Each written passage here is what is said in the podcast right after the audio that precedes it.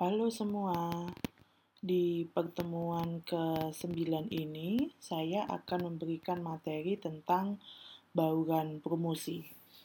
Kalau kemarin kita uh, bahas tentang marketing mix atau bauran marketing, uh, salah satunya ada uh, P yang uh, apa kita uh, bahas sedikit karena saya akan bahas lebih banyak di pertemuan hari ini.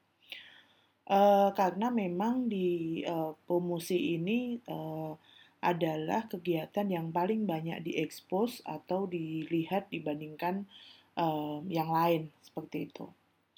Nah, uh, promotional mix atau bauran promosi ini ada uh, 6 dan memang ini sangat uh, sangat tergantung dengan teknologi saat ini. Uh, jadi memang kalau dulu uh, promosi itu sangat terbatas, kalau sekarang lebih bervariasi.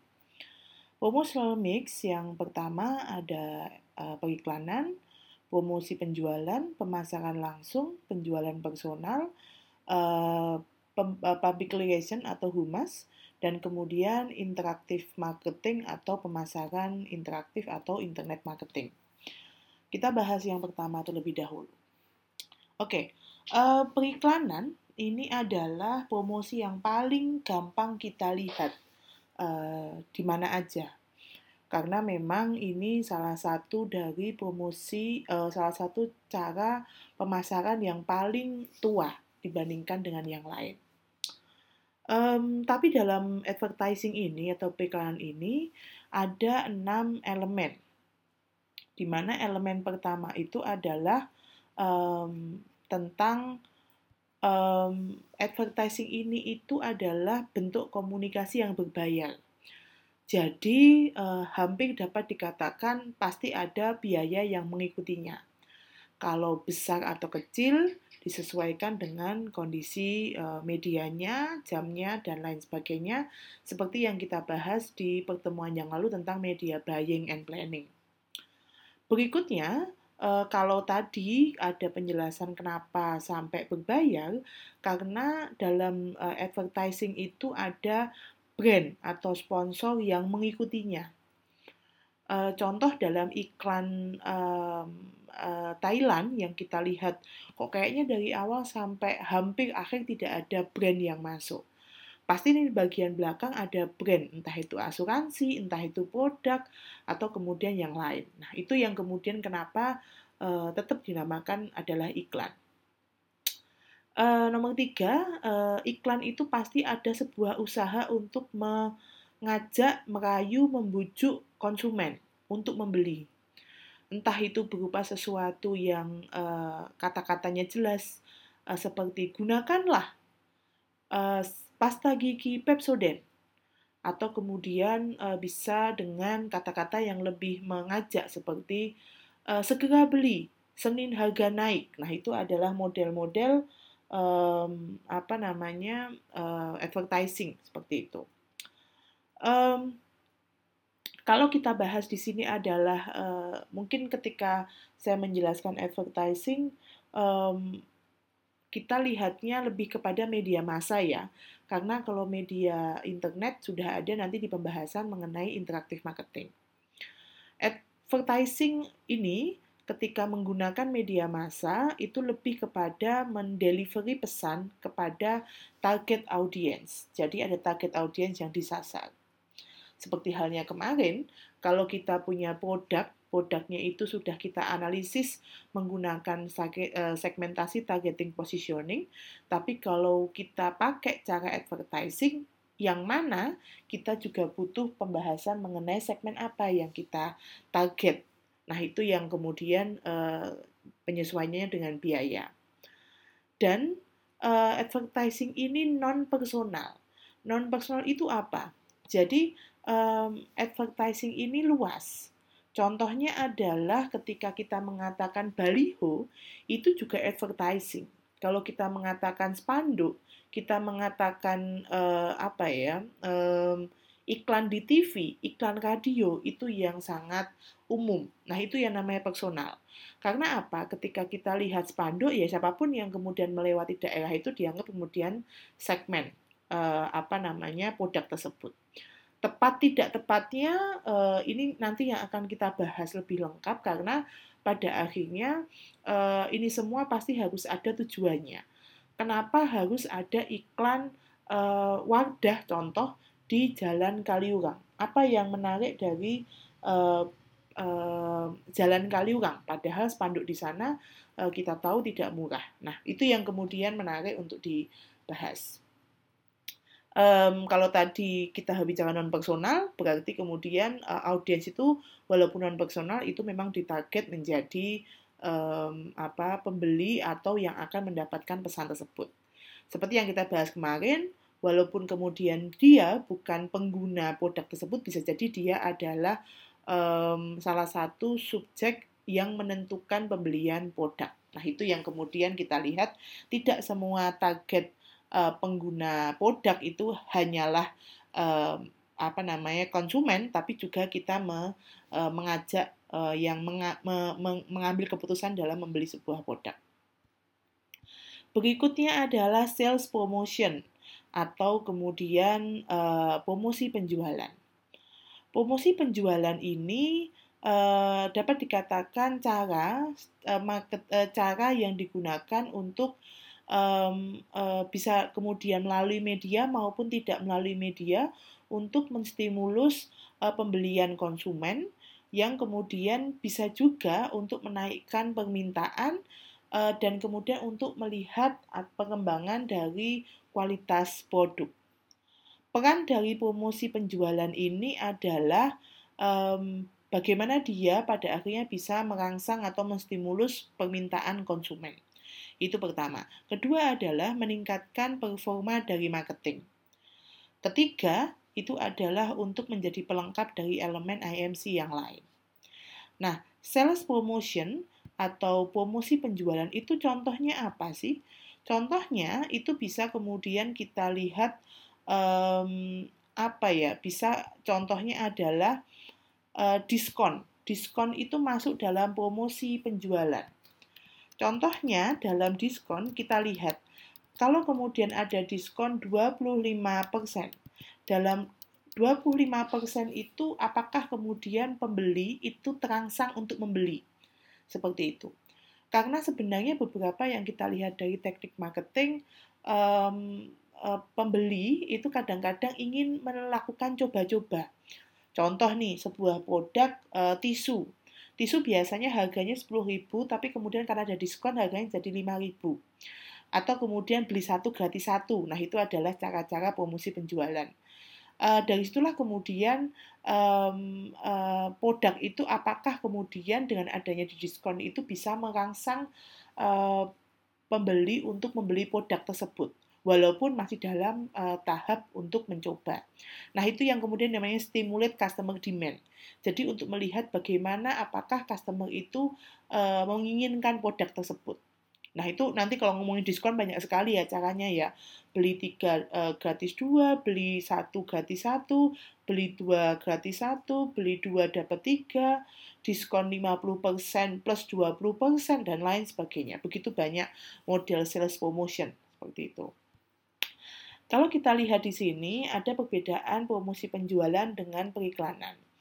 Um, kalau kemudian periklanan yang kita lihat di TV-TV, yang kita lihat di baliho, dan lain sebagainya, itu memang pertama kita bisa pastikan untuk menciptakan citra. Jadi memang tidak bisa dipungkiri iklan itu rela, uh, relatif dekat dengan pencitraan atau branding sebuah produk. Kalau kemudian kita kaitkan dengan uh, promosi penjualan, jadi kalau kemudian iklan di um, apa namanya di baliho di pinggir jalan, memang biasanya ngomongin tentang keunggulan produk saja.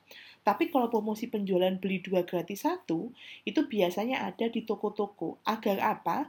Agar langsung menciptakan tindakan segera untuk bisa memastikan customer bisa segera beli.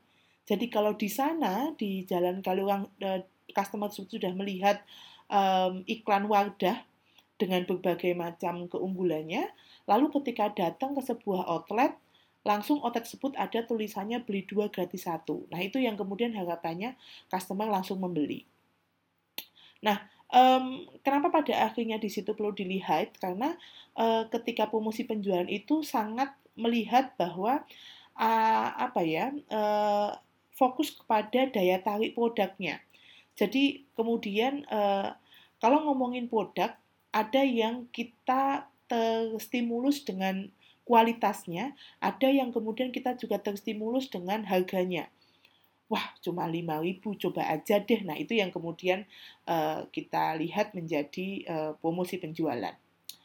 Nah, kalau kemudian kalau ngomongin iklan biasanya agak panjang karena iklan itu dibuat itu uh, dengan berbagai pertimbangan. Pertama branding, kedua adalah bisa jadi branding ini yang panjang. Karena yang kita sudah bahas sebelumnya, branding itu ada yang tahapannya unaware brand sampai top of mind. Sehingga kalau dia belum dikenal, berarti tugasnya adalah menciptakan brand itu sampai ke benak uh, pembeli, tapi kalau sudah sampai di tahap-tahap di atas, dia untuk menguatkan brand di benak konsumen. Biar kemudian apa? Ketika datang ke supermarket, langsung yang diingat adalah, oke, okay, aku lebih ingat merek Pepsoden dibandingkan Ciptaden atau Hitaden. Nah, itu yang kemudian kenapa perikanan terus dilakukan terus-terusan karena untuk memasukkan uh, brand itu terus-menerus ke dalam benak para konsumen biar tidak tergantikan oleh brand lain. Nah, um, berikutnya adalah direct marketing. Nah, direct marketing ini menarik karena dengan berjalannya waktu ternyata uh, signifikan sekali uh, kegunaannya karena kita fokus kepada data. Contoh ini ya, jadi e, di sini melihat bahwa kita semua itu apa dengan berbagai macam aplikasi yang kita gunakan pasti menggunakan ada namanya usia, ada yang namanya jenis kelamin data-data tersebut, lalu kemudian kita tinggal di mana. Nah, data itu bisa kemudian sangat terpakai oleh beberapa um, beberapa apa ya beberapa uh, platform. Contohnya nih, contohnya kita bahas tentang Tokopedia atau Shopee atau Blibli. Kalau kamu perempuan, karena data yang kamu masukkan adalah perempuan, berarti produk-produk perempuan itu akan bisa menjadi, akan diiklankan menjadi pop-up untuk uh, apa namanya di di handphonemu Nah, itu yang namanya uh, direct marketing. Karena apa? Karena tiap orang beda-beda. Contoh, saya di usia 30, saya perempuan, saya berjilbab, saya menggunakan skincare. Jadi pop up pop up ik, iklan uh, apa ya, bukan iklan ya, pop up notifikasi yang keluar di handphone saya disesuaikan dengan profiling saya sebagai perempuan dengan berbagai macam karakteristik. Itu pasti beda dengan uh, yang lain uh, dengan uh, konsumen yang lain yang punya habit berbeda. Nah, itu yang kemudian kenapa direct marketing ini uh, kelihatannya itu dulu sempat tidak eksis, sekarang kemudian naik lagi. Oke, kita lihat dari definisinya. Um, direct marketing itu adalah sistem interaktif marketing, sama interaktif marketing yang menggunakan satu atau lebih media untuk me uh, me-offering atau me, apa ya, meng-offer itu menawarkan produk itu secara langsung ke konsumen tanpa perantara. Kenapa pada akhirnya tanpa perantara? Karena langsung masuk ke handphone kita. Contohnya nih, saya naik e, kendaraan kemudian jalan di Jalan Kaliurang. Sepersekian detik langsung ada iklan Dunkin Donat sepersekian detik ketika saya sebelum lewat ke utara ada uh, merchant uh, Starbucks mereka langsung masuk ke handphone saya nah itu yang namanya tanpa perantara jadi langsung masuk. Nah, itu gimana? Karena secara uh, secara secara sistem itu namanya direct marketing. Di dalamnya nanti ada promosi penjualan. Contohnya, segera dapatkan coffee latte, beli satu gratis satu. Nah, itu kemudian sistemnya pakai direct marketing tapi kemudian um, apa isinya itu pakai promosi penjualan. Nah, direct marketing ini sempat menjadi cara yang membosankan uh, di beberapa tahun, mungkin 90-an atau 2000-an karena memang orang seakan dipaksa. Contohnya nih ya, contohnya kemudian ada, mungkin sampai sekarang masih ada, tapi sekarang sudah tidak terlalu digubris mungkin ya.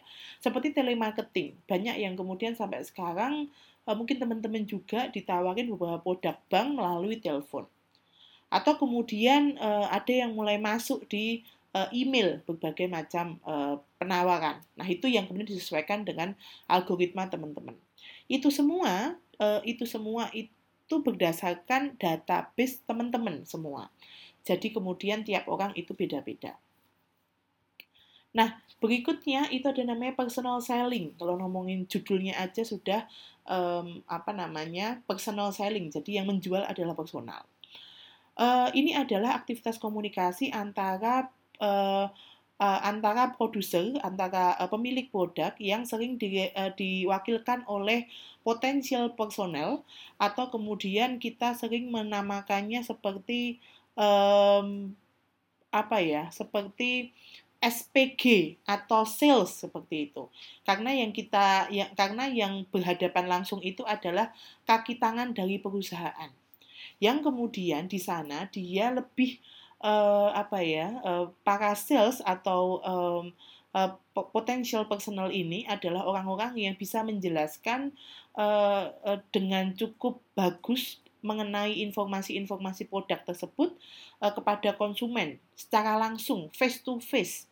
Tidak kemudian melalui media, tapi benar-benar face to face. Nah, ini menjadi yang menarik. Ini, ini menjadi hal yang menarik karena uh, personal selling ini sebenarnya punya banyak um, punya banyak keuntungan gitu. Pertama adalah creating sales atau langsung menimbulkan sebuah pembelian um, apa um, contohnya adalah uh, contohnya adalah ketika uh, perusahaan itu um, punya produk rokok. Nah, kalau teman-teman tahu SPG rokok, itu SPG rokok itu langsung mendatangi para konsumen. Langsung kemudian silahkan mas beli 10 ribu uh, atau kemudian 20 ribu uh, apa bisa dapat uh, dua dua kotak dan lain sebagainya. Atau kalau contohnya nggak rokok deh, atau kemudian kita bisa lihat contoh produk lain yang kemudian uh, yang menawarkan itu adalah SPG-nya langsung. Nah ini ada banyak di beberapa tempat di malls. Nah um, kenapa pada ini menarik? Karena sangat melibatkan komunikasi langsung dengan potensial customer dan juga two ways communication.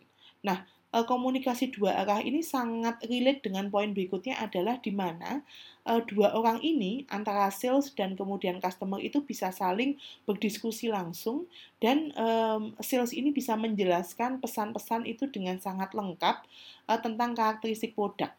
Ketika dia menjelaskan produk Le Minerale kepada perus, uh, kepada customer, dia menjelaskan ini ternyata punya kemudian ada keunggulan A, B, C dan uh, D Lalu kemudian customer bisa bertanya, apa sih bedanya dengan air mineral lain? Kayaknya sama aja deh rasanya. Nah, itu kan bisa kemudian sangat uh, menarik ketika sampai ada diskusi. Berikutnya adalah uh, public relation atau humas. Di sini um, apa pun yang kemudian perusahaan lakukan untuk bisa meng, uh, mempengaruhi konsumen. Jadi memang di sini tidak uh, tidak literally langsung berdampak kepada penjualan, tapi harapannya bisa menaikkan brand atau harga perusahaan lebih dihormati seperti itu. Di dalam public relation um, uh, method ini dibutuhkan uh, kemampuan berkomunikasi uh, untuk mendapatkan uh, respon yang kita inginkan, termasuk di dalamnya adalah kita mungkin membutuhkan riset.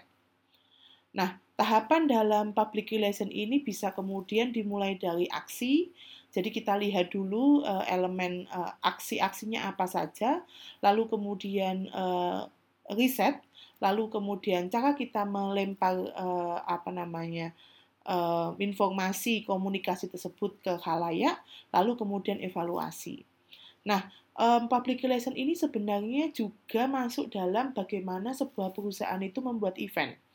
Contohnya adalah ketika uh, tadi Aqua itu beberapa waktu yang lalu membuat event di beberapa mall di, di Jakarta, di beberapa lifestyle mall di Jakarta untuk kemudian me, me, memberikan kesadaran untuk minum air putih untuk kemudian hidup sehat dan lain sebagainya. Nah, event-event ini yang kemudian memang tidak memang di situ pasti ada yang namanya sales, pasti ada uh, ada kondisi itu. Tapi sebagai sebuah event uh, di mana harapannya memang me, uh, mempengaruhi para customer itu yang dinamanya, dinamakan public relation.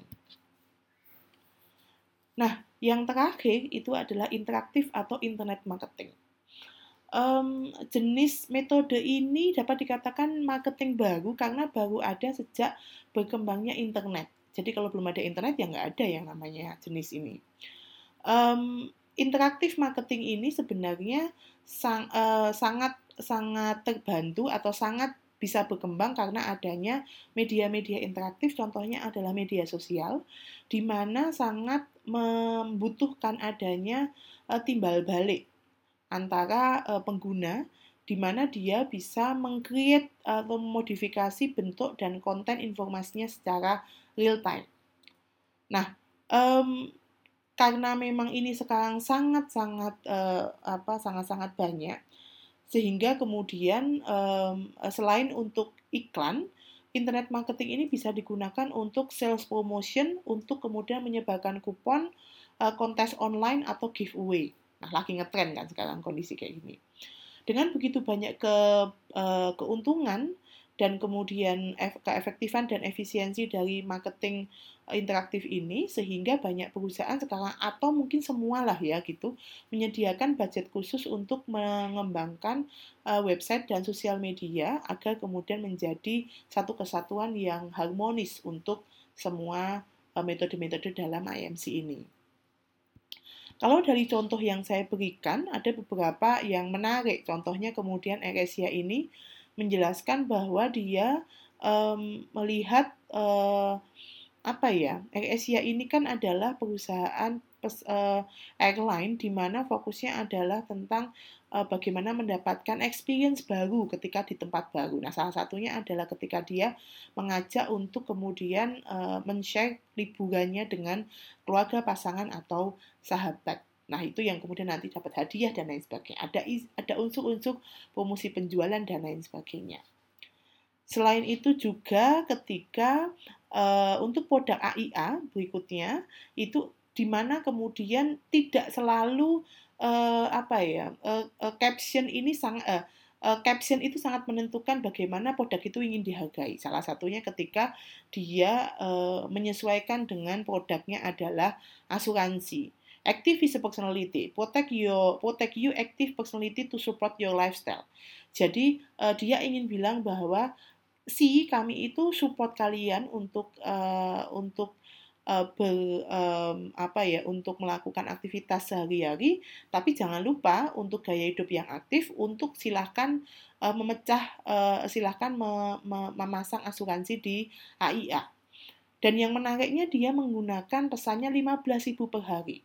Bayangkan 15.000 per hari kalau dikalikan 30 ada 450 hari eh 450 ribu dia tidak bilang 450 ribu per bulan, tapi dia pecah menjadi 30 hari di mana secara teknik marketing dan secara bahasa eh, bahasa um, iklan ini akan terlihat sangat murah. Nah, hal-hal seperti ini yang perlu kemudian kita sesuaikan dengan kondisi uh, pasar biar kemudian uh, kalau anak muda harapannya gimana caranya sih lebih lebih sering memakai produk uh, asuransi salah satunya dengan uh, dipecah harganya menjadi lebih murah agar uh, uh, apa namanya bisa dipakai untuk segmen uh, anak muda juga.